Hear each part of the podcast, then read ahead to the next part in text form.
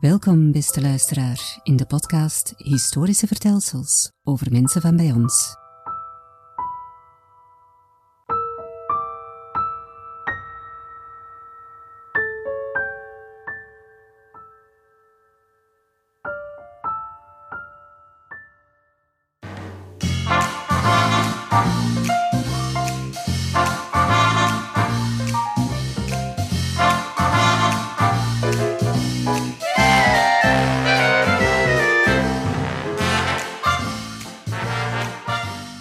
Van Schelle, een vergeten bekende Belg uit Merksplas.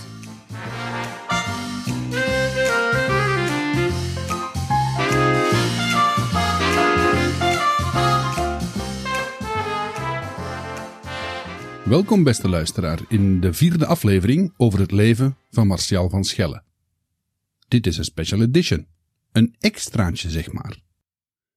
In de drie vorige episodes van dit verhaal heeft u kunnen horen hoe Martial opgroeide tot een zeer succesvolle, bekende Belg. En hoe hij tijdens de Tweede Wereldoorlog actief verzet gaat plegen tegen de Duitse bezetter in België. In 1943 wordt hij uiteindelijk opgepakt door de ZIPO-SD, de Duitse veiligheidsdiensten, en na ondervraging naar het fort van Breendonk overgebracht.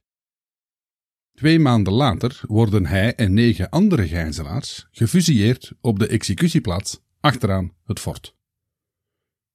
Voor de eerste keer in deze podcast wil ik wat meer duiding brengen rond het thema van een reeks.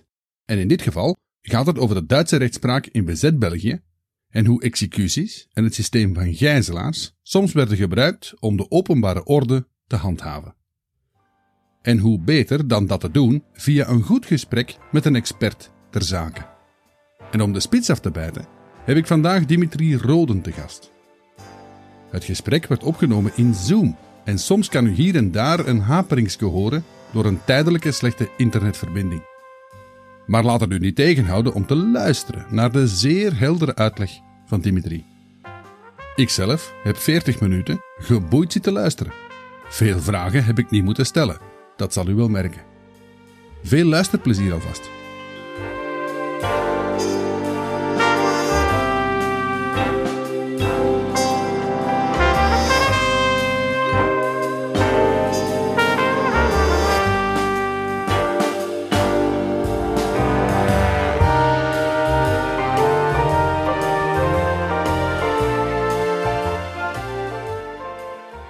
Dag Dimitri trouwens, welkom in de podcast.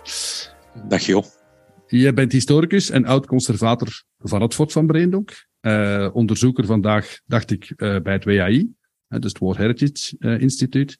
En expert op het gebied van de Duitse rechtspraak tijdens de Tweede Wereldoorlog. Zeg ik dat helemaal juist? Dat klopt, Jo. Dat klopt. En je hebt uw doctoraat destijds gemaakt, als ik me niet vergis, vergis over die Duitse rechtspraak? Ja, mijn, uh, mijn doctoraat ging inderdaad over de, over de Duitse rechtspraak in bezet België en hoe, ze, hoe de bezetter van de rechtspraak gebruik gemaakt heeft om um, de openbare orde in het bezette gebied af te dwingen en te handhaven.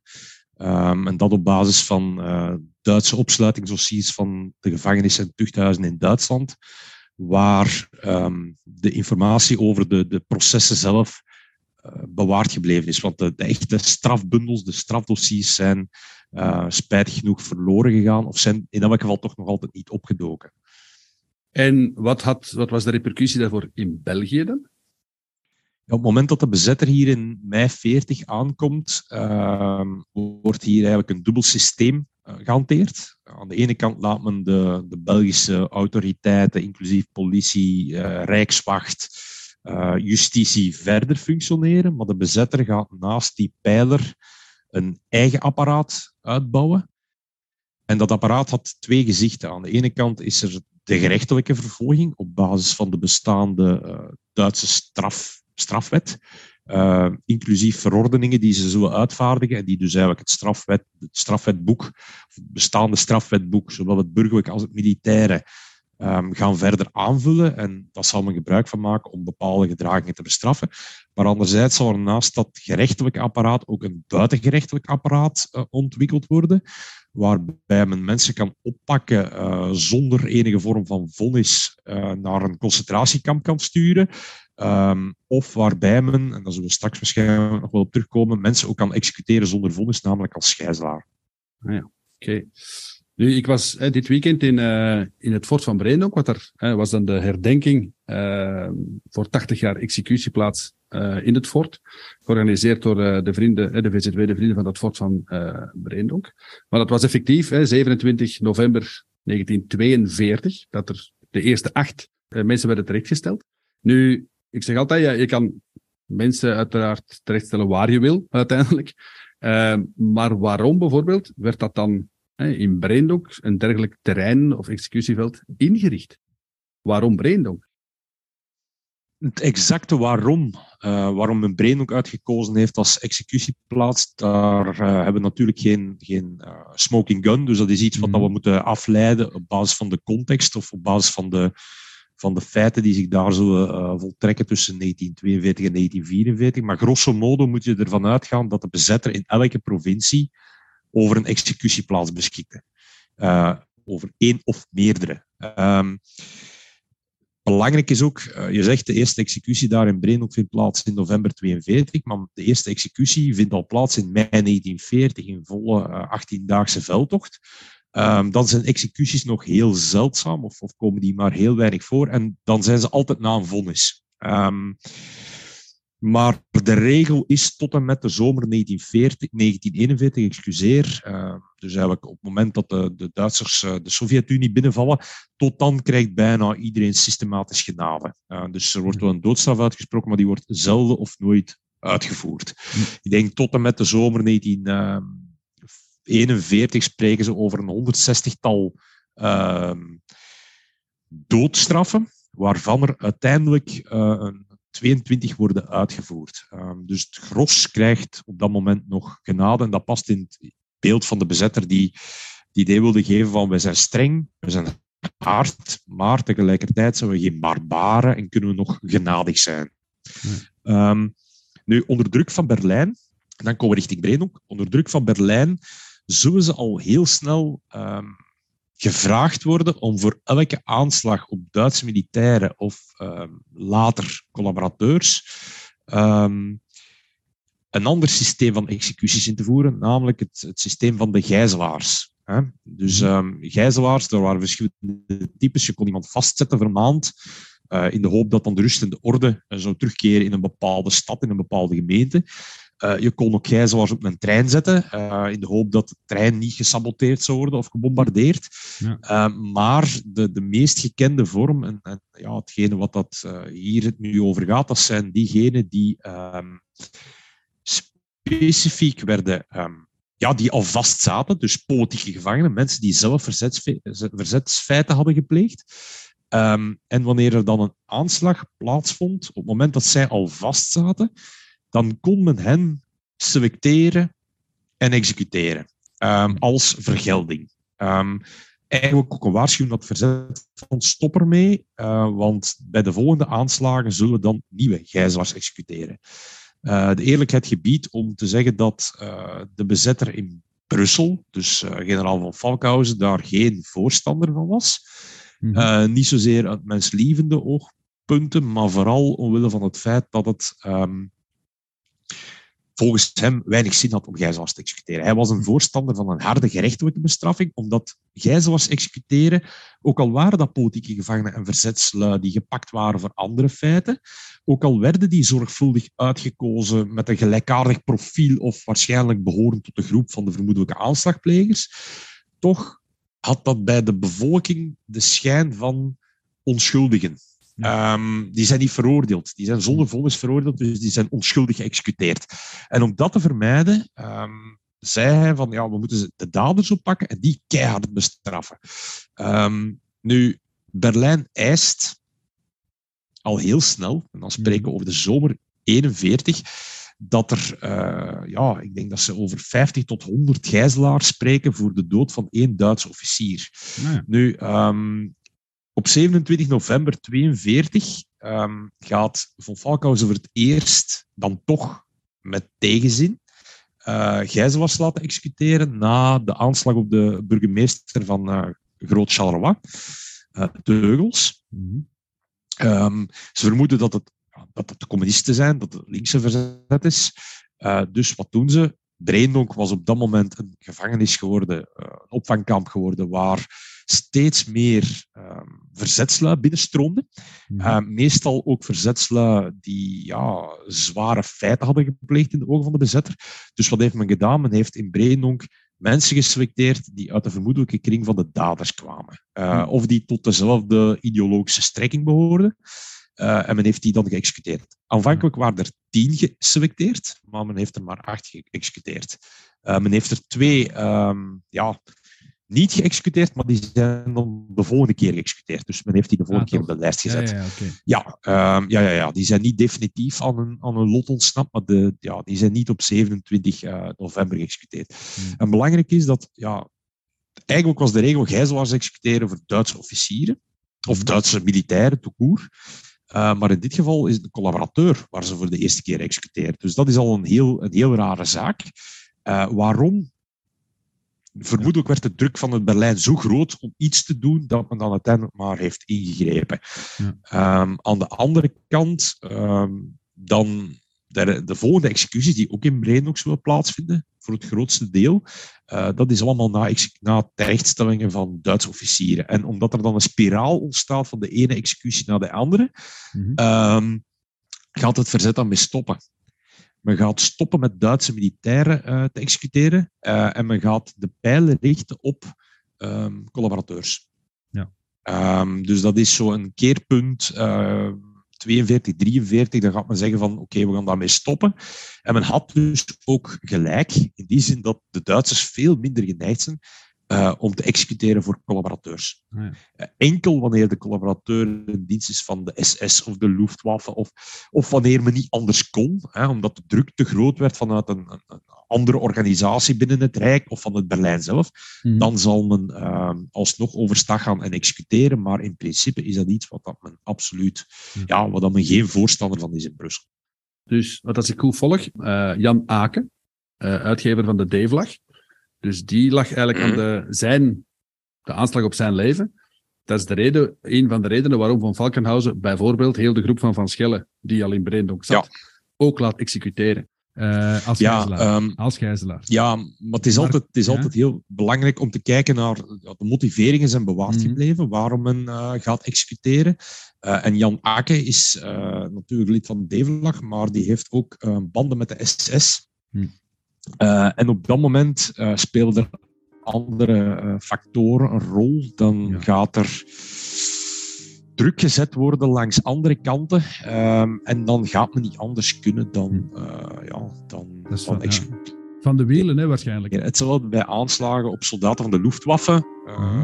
Ja, aanslagen op soldaten van de Luftwaffe. Of, of, of um, ja, dat gaat men niet anders kunnen. Um, maar het is niet zo dat er voor elke, elke kleine colla- collaborateur die geëxecuteerd is door het verzet, dat daar onmiddellijke uh, gijzelaarsexecuties tegenover staan. Dat is dus absoluut niet het geval. Um, uh, wel in tegendeel. Um,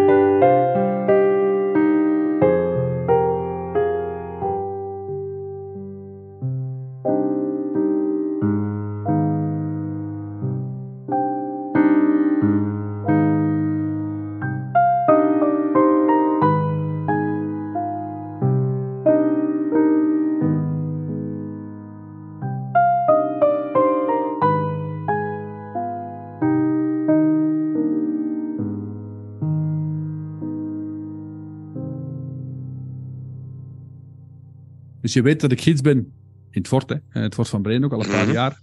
Nu, wat ik me altijd al heb afgevraagd, hè, is om welke reden of welke redenen dat de Duitse justitie dan uh, overgaat tot die terechtstelling. Oké, aanslagen op collaborateurs, op Duitse officieren, Duitse soldaten. Maar ik neem aan uh, dat er nog wel redenen moeten, zijn, moeten geweest zijn. En dat je voor het stelen van een appel, bij wijze van spreken, niet de kogel kreeg. Dat er nog wel zaken zijn die in het, uh, laten we het dan maar noemen, in het nadeel van de gijzelaar of de ter dood veroordeelde spreekt. In dit geval.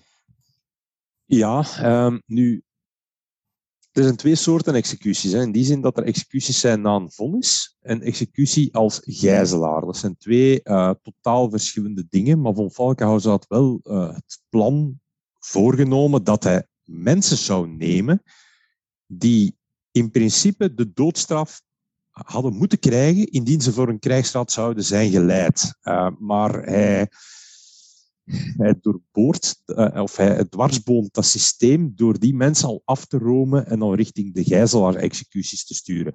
Dus op die manier kan hij zijn eigen gemoed sussen door te zeggen van ja, maar die man hadden toch de doodstraf gekregen.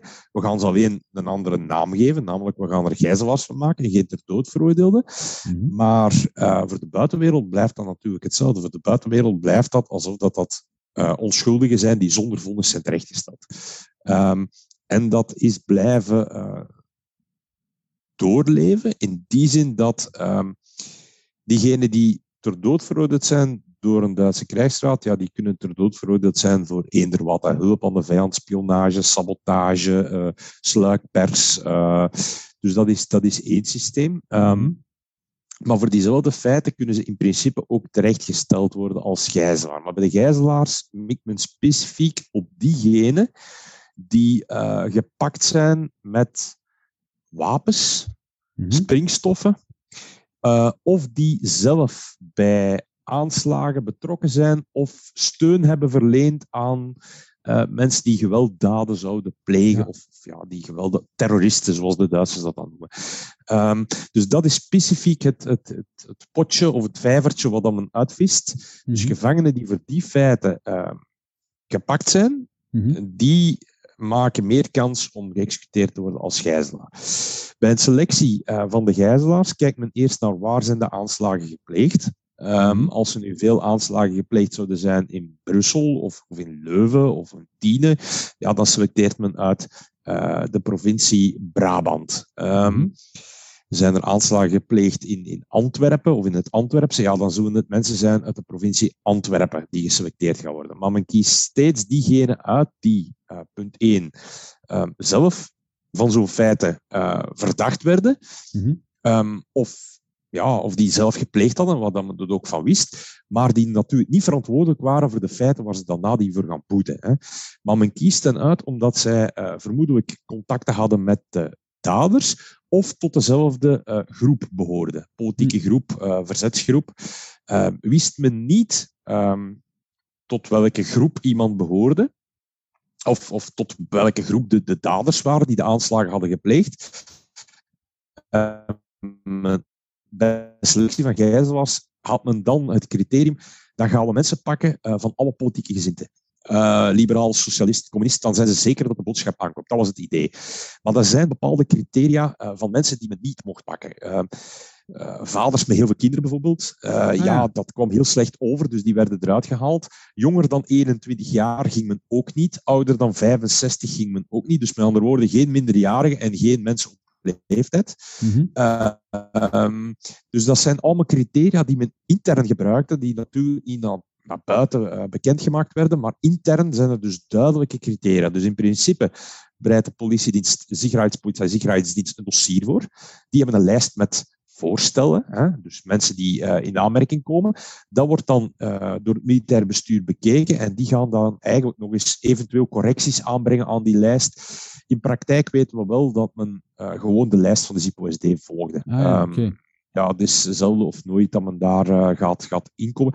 En men had daar ook geen reden toe om daaraan te twijfelen. In die zin, uh, zij beweerden dat het op basis van grondig politiewerk gedaan werd. Ja, um, men, dan, gaf dan een kleine samenvatting waarom iemand geselecteerd werd. En ja, als je die samenvattingen leest in dat is allemaal lid van een terreurgroep, uh, in het bezit van springstoffen, um, in contact met de vermoedelijke daders. dus ja, dat leek alsof dat, dat heel gefundeerd was. Ja. Uh, ik heb dat gelezen bij Van, bij van Schillen ook. Hè, Ja, eh, ja. Chef aan de terrorgroepen en die mannen die er Ja, ja. samen, hè, Moorveld en zo, die, die ook in die groep zaten, eh, van Schelle, eh ehm, zijn een groep. Die, die gasten, dat is allemaal hetzelfde. Hè? Terrorgroepen, terrorgroepen, sprengstoffen, eh, ja. om aanslagen te plegen en heel dat verhaal. Hè? Iemand, iemand die gewoon eh sluikpers verspreid heeft, komt in principe niet in aanmerking voor gijzelaar. Een executie van gijzelaar is, gijzelaars is de bedoeling dat men een signaal geeft aan de daders. Dat is, stop ermee of we gaan meer van uw groep executeren. Eh Ja.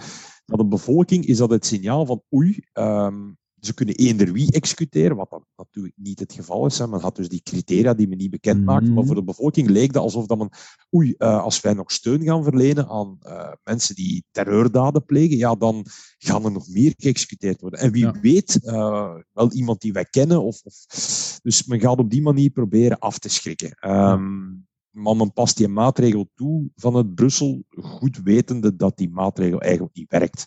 Hm. Want de enige, ehm, enige eh, reactie die het verzet gaat hebben, is om nog meer aanslagen te plegen, nog meer gijzelaars. En men komt in een, een vicieuze cirkel terecht waar men niet meer uit kan. Ehm, Ja. En dat wist men in Brussel heel goed. Dus men gaat eigenlijk op bepaalde momenten gaat men eh, gijzelaars executeren om een signaal te geven en dan bouwt men terug af. Ja. En je ziet dat ook, dat is cyclisch. Hè. Ehm, op het moment dat er heel veel gijzelaars eh na elkaar worden geëxecuteerd, gaat het verzet even wachten of, of wat rustiger worden. Ehm, en gaan ze andere zaken doen. Eh, en dan, ja, als het dan terug herneemt, ja, dan gaan die gijzelaarsexecuties ook weer hernemen. Eh, dus dat is een cyclisch verschijnsel. Eh, Ja. Ja, ja. Want, dus Van Schelle zit op een bepaald moment in Breendonk, hè, dus vanaf 15 januari. Hij wordt 15 maart met negen anderen dan geëxecuteerd. Maar hij schrijft op 24 januari, schrijft hij zijn testament in Breendonk. Ja? Mhm. Ik vraag me ook af in de podcast, heeft hij geweten of heeft hij beseft wat er boven zijn hoofd hing? Dat is een vraag die ik zo wel mee, want je hebt zo dat, ja, hè, dat onschuldige van, het is ook zo'n beetje, ja, ja, een beetje wille- willekeur. Ze kiezen er daar maar één uit. Ja, dat het duidelijk niet is. Ehm, maar ik vermoed wel dat hij zijn, ik zeg maar iets, zijn politieverslag zelf niet gelezen heeft. Nee, maar misschien ehm, door zijn daden wel wist wat er boven zijn kop hing. Nu, ehm, uit de getuigenissen van de oud-gevangenen en van gevangenen in het algemeen, ehm, Mhm. die geconfronteerd worden met een selectie van gijzelaars, ehm, of geconfronteerd worden met executies tout court, Mhm. die zullen ehm, altijd de schijn opwekken alsof het toeval is, alsof het willekeur is. Mhm. Dat is omdat zij niet op de hoogte zijn van het selectiemechanisme. En men komt binnen met een papiertje in Breno, men roept wat stamnummers af. Die stamnummers die krijgen één uur om zich voor te bereiden en die worden geëxecuteerd. Eh daar wordt geen uitleg aan gegeven, daar wordt niet gezegd van, eh, van hoe of wat. Eh, en voor de andere gevangenen lijkt dat alsof ook zij geselecteerd kunnen worden. Ehm, ja, terwijl dat, dat dus wel degelijk doelgericht gekozen is. Ehm, maar voor diegene in de Kamer lijkt het alsof dat ze willekeurig naam afroepen, maar dat is dus wel degelijk niet het geval. Hè? Want anders Mhm. heeft het ook geen nut om gijzelaars te executeren. Gijzelaars heeft alleen nut als er, oh, nut, de zaak is. Hm. In de ogen van de bezetter heeft het alleen nut als het met een bepaald doel is, namelijk afschrikken. Eh, zorgen dat men stopt met eh gijzelaars, te, eh, dat men stopt met aanslagen te plegen en, en collaborateurs te viseren Ja. na 43. Ehm, maar dus, ja, het lijkt allemaal willekeurig, maar dat is het dus niet. En in, wacht, in Breindonk zijn er dan in totaal, als ik goed geteld heb, hè, 184 doodgeschoten, 23 opgehangen.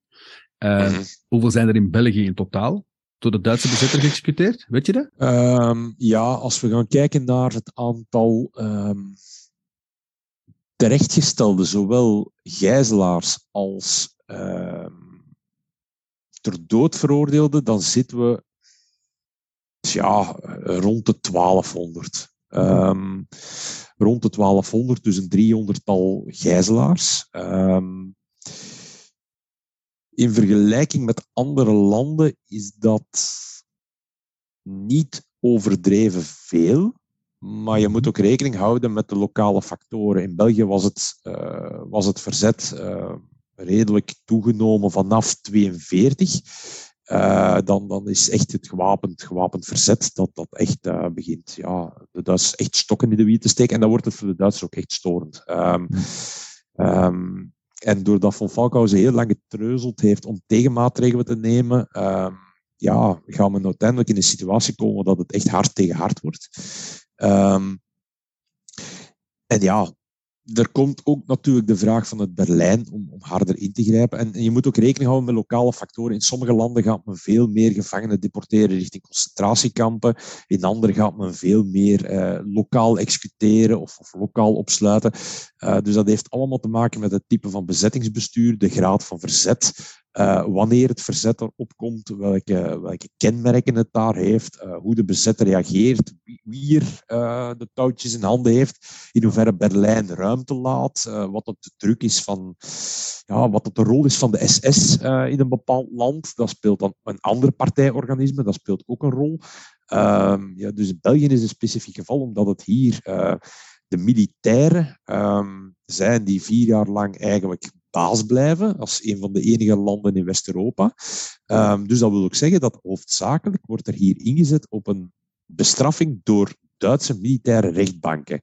Mm -hmm. uh, in Nederland bijvoorbeeld, ja, daar zijn die Duitse militaire rechtbanken uitgehold, omdat het daar de SS is die in principe de touwtjes in handen heeft. Wat dus ook wel betekent dat natuurlijk gaan die militaire rechtbanken daar ook zaken behandelen, maar alleen diegenen die rechtstreeks ingaan tegen de belangen van het Duits leger. Terwijl in België zijn die bevoegdheden veel uitgebreider, omdat je hier die, ja, die, die pijler van de SS pas heel laat krijgt in, in, in de bezetting. Hè. Dan spreken we over zomer 44. Ja, ja, ja. ja. Ja, okay. Dus dat speelt allemaal, allemaal mee een rol. Dus, en dan ook nog Oost-Westfront, uh, totale oorlog, vernietigingsoorlog ten opzichte van een, een gebied waar de oorlog in de ogen van de Duitsers eigenlijk gewonnen is. Mm -hmm. um, waar men alleen wacht tot wanneer de geallieerden nog eens een landing proberen te, te ondernemen. Maar dat zijn andere, uh, andere factoren die meespelen. Ja. Je zit hier ook met een land waar de, waar de bevolking als Germaans werd beschouwd. Uh, ten opzichte van in het oosten, ja, dan, dan gaat men met het botte bijl uh, sneller door. Um, dus dat zijn allemaal zaken die, die, die kunnen beïnvloeden. Dus het is heel moeilijk om, om die dingen met elkaar te vergelijken. Um, maar zeker tot en met de invoering van de verplichte tewerkstelling in, in België, dus dat spreken we over oktober 42, tot dan uh, hanteert men hier nog een bijna een beleid van systematische be, begenadiging van, ja. de, van, de, van de ter dood veroordeelden. Ja. Um, maar dan nadien gaat men hier uh, ja, ook, ook uh, versnellen. Hè. Gaat men ja. strenger en strenger optreden en gaat er meer en meer geëxecuteerd worden. Um,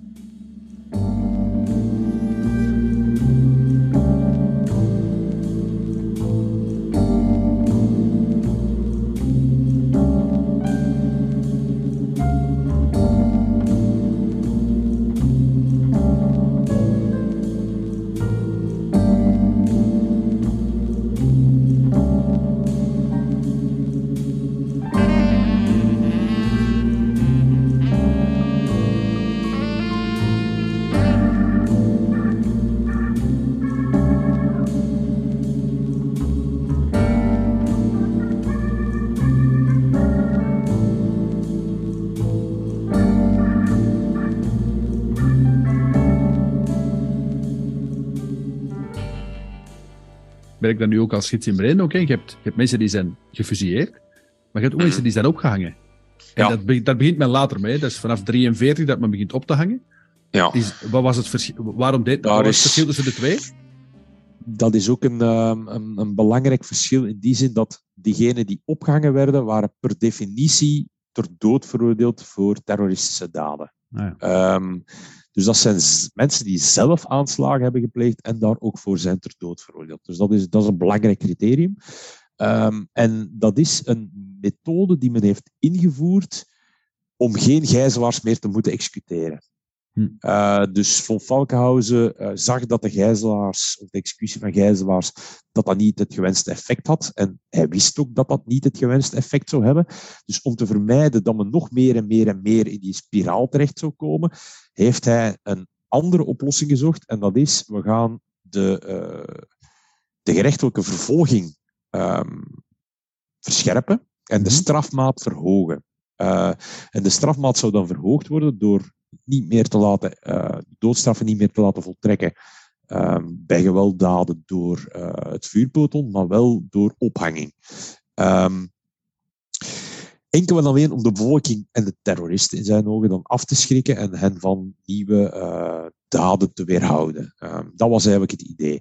En door dan in de pers te zetten van ja, we hebben die gijzelaars of we hebben die ter dood veroordeelde terroristen opgehangen, uh, wilde hij de bevolking afschrikken en tegelijkertijd ook, tegelijkertijd ook een signaal geven van uh, maar we hebben ze wel een, een, een, uh, een proces gegeven, ze zijn ter dood veroordeeld, ze zijn niet alleen vijand van van ons, de bezetter, maar ook van heel de Belgische bevolking. Dus op die manier proberen ze dat te legitimeren en ook te zeggen van, ja, ze hebben zelfs nog een verdediging gehad, ze hebben advocaten enzovoort. Dus met andere woorden, men geeft eigenlijk de illusie dat het, ja, dat het een, een, proces geweest is, uh, dat eerlijk is verlopen, waarbij die, uh, ja, dat een uitkomst is van een gerechtelijk proces um, en dat de strafmaat werd uitgevoerd door ophanging.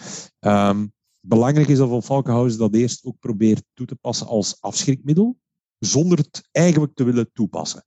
Maar op een gegeven moment uh, gaat hij voorlopen op hetgene wat dat er uh, ja, van het Berlijn toegelaten werd. Het is pas, ja, hij spreekt al over ophanging, um, of hij dreigt er al mee in het voorjaar van 1943, terwijl hij het eigenlijk pas mocht toepassen in mei en op dat moment had de Führer net ingestemd met het, uh, ja, met het, ook het, ophangen van ter dood veroordeelden.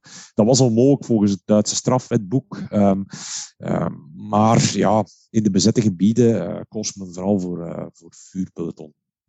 Toch in, in het westen. Ja.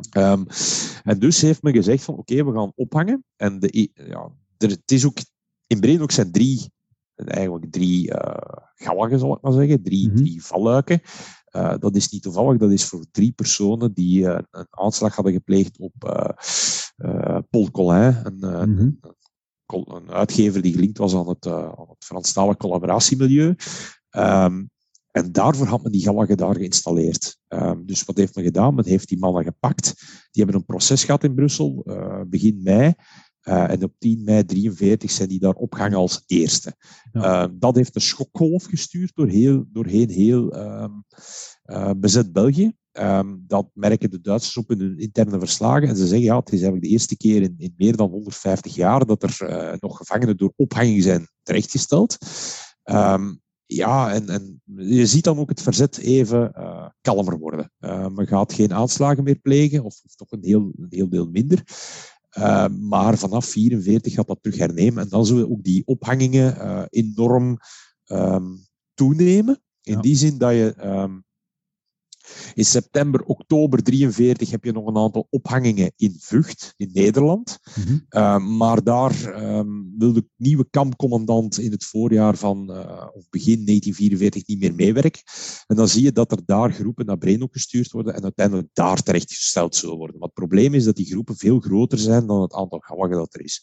Uh, men gaat daar uh, uh, ja, zes Noord-Franse ophangen. Uh, dan is er daar ook nog een, een, een Brusselse partizan, Josse Goris, die wordt daar mm -hmm. ook opgehangen. Um, en dan krijg je uh, de fameuze groep van Sanzay, de twaalf ja, verzetstrijders. Ja. Um, en dan is er nog één man die opgehangen wordt, een zekere uh, Jordes uh, van de 24 Limburgse partizanen. Uh, die 24 worden in het voorjaar van 44, in april, worden die terechtgesteld in, in Breendonk allemaal door het vuurpeloton, behalve één. Eén man wordt daar opgehangen. Um, waarom? Dat waren broers, dat was dat niet? Dat waren twee broers, hè? Ja, één broer, gefuseerd. Ja, ja, één broer is gefuseerd en één opgehangen. Waarom? Dat is, dat is niet te achterhalen uh, op basis van de, van de bewaarde documenten. Uh, maar het is wel degelijk zo gebeurd. Uh, en hij is de laatste die, die in België is opgehangen. En het is misschien ook belangrijk om te zeggen van, er is maar één plaats waar er opgehangen mocht worden, en dat was in Breendonk. Ja, dat was um, de volgende vraag. Enkel Breendonk, ja. Enkel okay. Breendonk. Um, er is lang gediscussieerd, de ZIPO-SD, uh, of, of er is een, een, een, discussie geweest van ja, als we gaan ophangen, gaan we dat dan in het openbaar doen, ja of nee? Uh, maar dan is er heel snel duidelijk van ja, we zitten hier niet aan het oostfront, um, dat kunnen we niet maken, want dan gaan we, ja, dan gaan we de perceptie nog harder tegen ons krijgen. Dus dan, uh, dan hebben ze het beslist om het in Breendonk te doen. Um, Oké, okay, nee. Um, ja, misschien uh, nog, nog één ding. Uh, dat viel me gisteren op tijdens die, tijdens die herdenking. Dat een aantal mensen ook zeiden van ja, uh, we mogen dit nooit vergeten. Hè, dus ging dan specifiek over al die geëxecuteerden. Um, nu, jij als oud-conservator, um, waarom is het zo belangrijk in onze ja, herinneringseducatie vooral dan, dat we effectief dit niet vergeten, dat er dergelijke zaken uh, ook worden georganiseerd, zoals gisteren in Nocturne bijvoorbeeld, dat er podcasten over gemaakt. Hè. Ik zal daar wel reclame maken voor mezelf.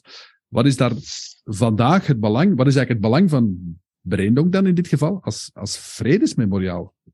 Ja, um, nu, um, voor, voor onze streken, zal ik maar zeggen, of, of mm. ons land is natuurlijk uh, de Tweede Wereldoorlog het laatste referentiepunt als het gaat over een, een echte oorlogscontext. Hè. Er is mm. nu mhm. wel oorlog aan de gang in Oekraïne, dicht bij de, bij de poorten van Europa, zal ik maar zeggen. Maar um, voor ons is het meest tastbare uh, nog altijd de Tweede Wereldoorlog. En, mm-hmm. ja, er zijn er veel die zeggen van ja, maar dat is 80 jaar geleden, we moeten, we moeten naar het heden gaan kijken enzovoort. Maar het grote voordeel van de Tweede Wereldoorlog is dat dat um, ja, overal om de hoek ligt. Er zijn overal gedenkplaatsen, er zijn overal straatnamen die daarna vermeld zijn. Um, er zijn nog altijd mensen die, die, die, die rechtstreeks verwant zijn. Er zijn nog een aantal mensen die nog altijd in leven zijn, die de oorlog hebben meegemaakt. Dus dat blijft toch nog altijd belangrijk. Um, als het dan gaat vanuit het oogpunt van uh, herinnering, dan um, denk ik dat het belangrijkste aspect is dat uh, dat lijkt misschien 80 jaar geleden, maar er zijn bepaalde mechanismen die nog altijd actueel zijn. Uh, en het is soms uh, echt wel verhelderend om de dag van vandaag te vergelijken met het verleden. Om te mm-hmm. kijken naar uh, waar het kan misgaan of waar, waar de, de valkuilen liggen. Ik geef één voorbeeld. Um, als je gaat kijken, de ZIPO-SD kon iemand uh, ja, uh, zeven dagen opsluiten zonder dat uh, Brussel daarvan op de hoogte was, zonder dat er echt een aanhoudingsbevel uitgevaardigd mag worden. Als je dat gaat bekijken met bepaalde zaken die de politie kan of mag doen op de dag van vandaag, mm-hmm. ja, op het eerste zicht zou je zeggen, oh, dat, is, oh, dat is niet altijd zo heel veel verschillen. En natuurlijk is er wel verschil. Hè. De ZIPO-SD is niet te vergelijken met de politie van de dag van vandaag. Hè.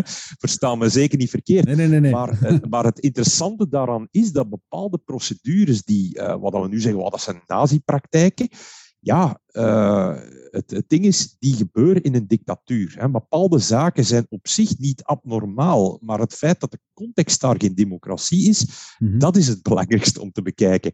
Hoe dan we van bepaalde uh, procedures, rechtsregels, wetten die waren er in de nazi-tijd ook.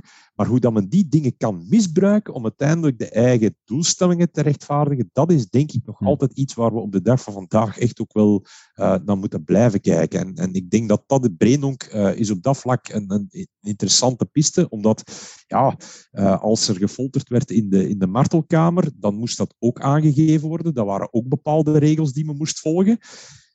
ja, um, dus dat zijn dingen die, die, die echt wel belangrijk zijn om te blijven, blijven volgen. Uh, mm -hmm.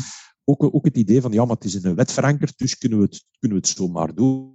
Bedoel, het, is, ja. het is altijd interessant om burgers op te voeden tot kritische burgers, uh, die kijken naar, uh, ja, naar, naar de, de, de wereld in, waarin ze leven en tegelijkertijd ook stil blijven staan. Van, ja, maar is dat allemaal wel zo vanzelfsprekend? Met andere woorden, mensen moeten blijven nadenken en blijven dingen in vraag blijven stellen. En gelukkig kunnen we dat op de dag van vandaag wel doen in een, in een, in een democratisch bestel.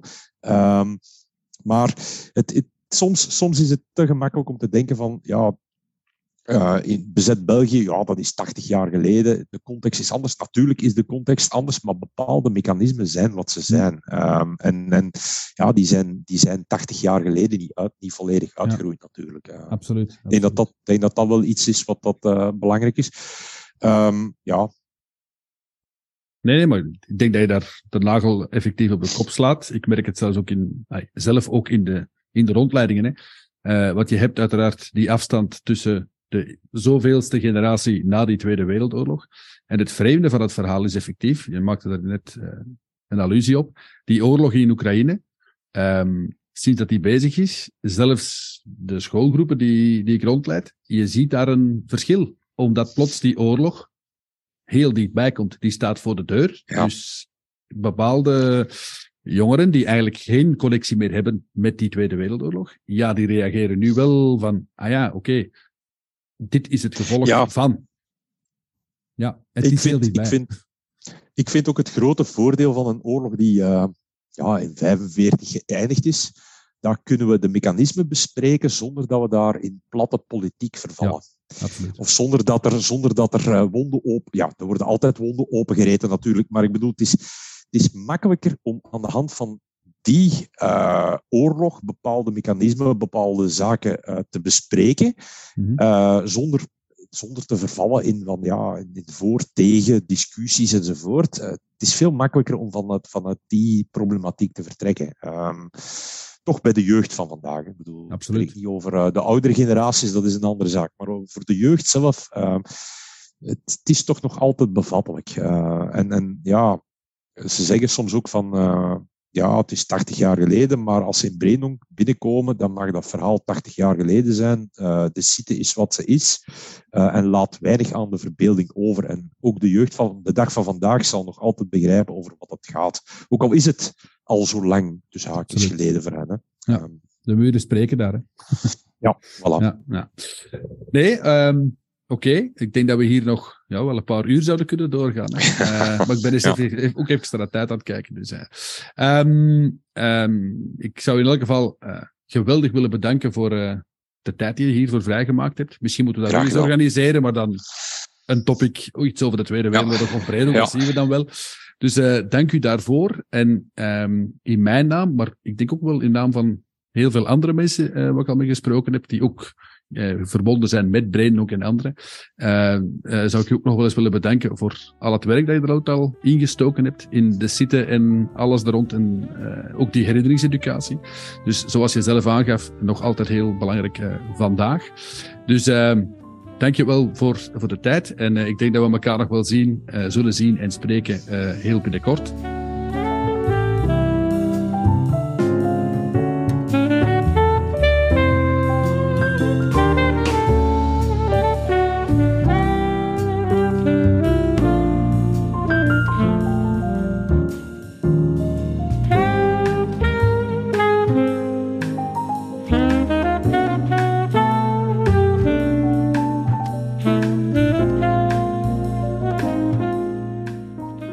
Beste luisteraar.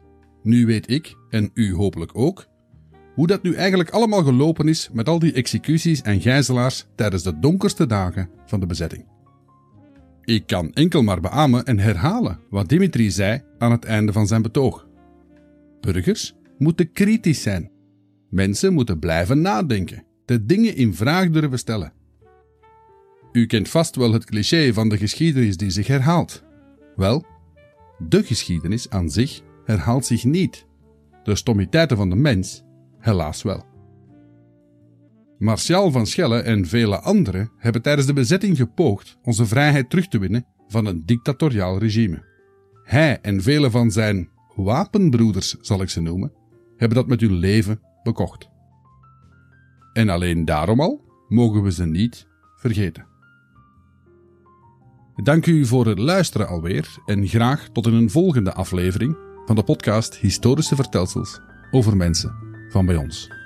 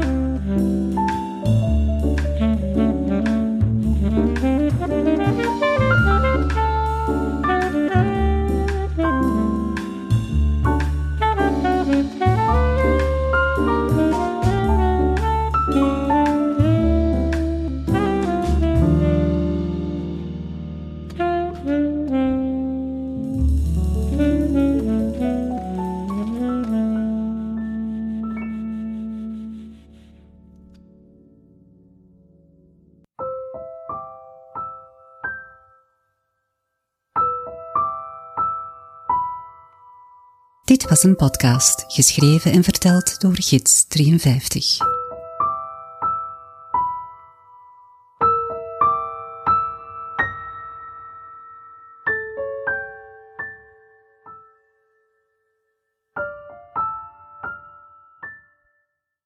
Moest u op Spotify luisteren? Vanaf nu kan je de podcast ook raten, punten geven dus, via je app. Je zou er mij, met wat eerlijke sterretjes, een schoon cadeau mee doen. Alvast, bedankt.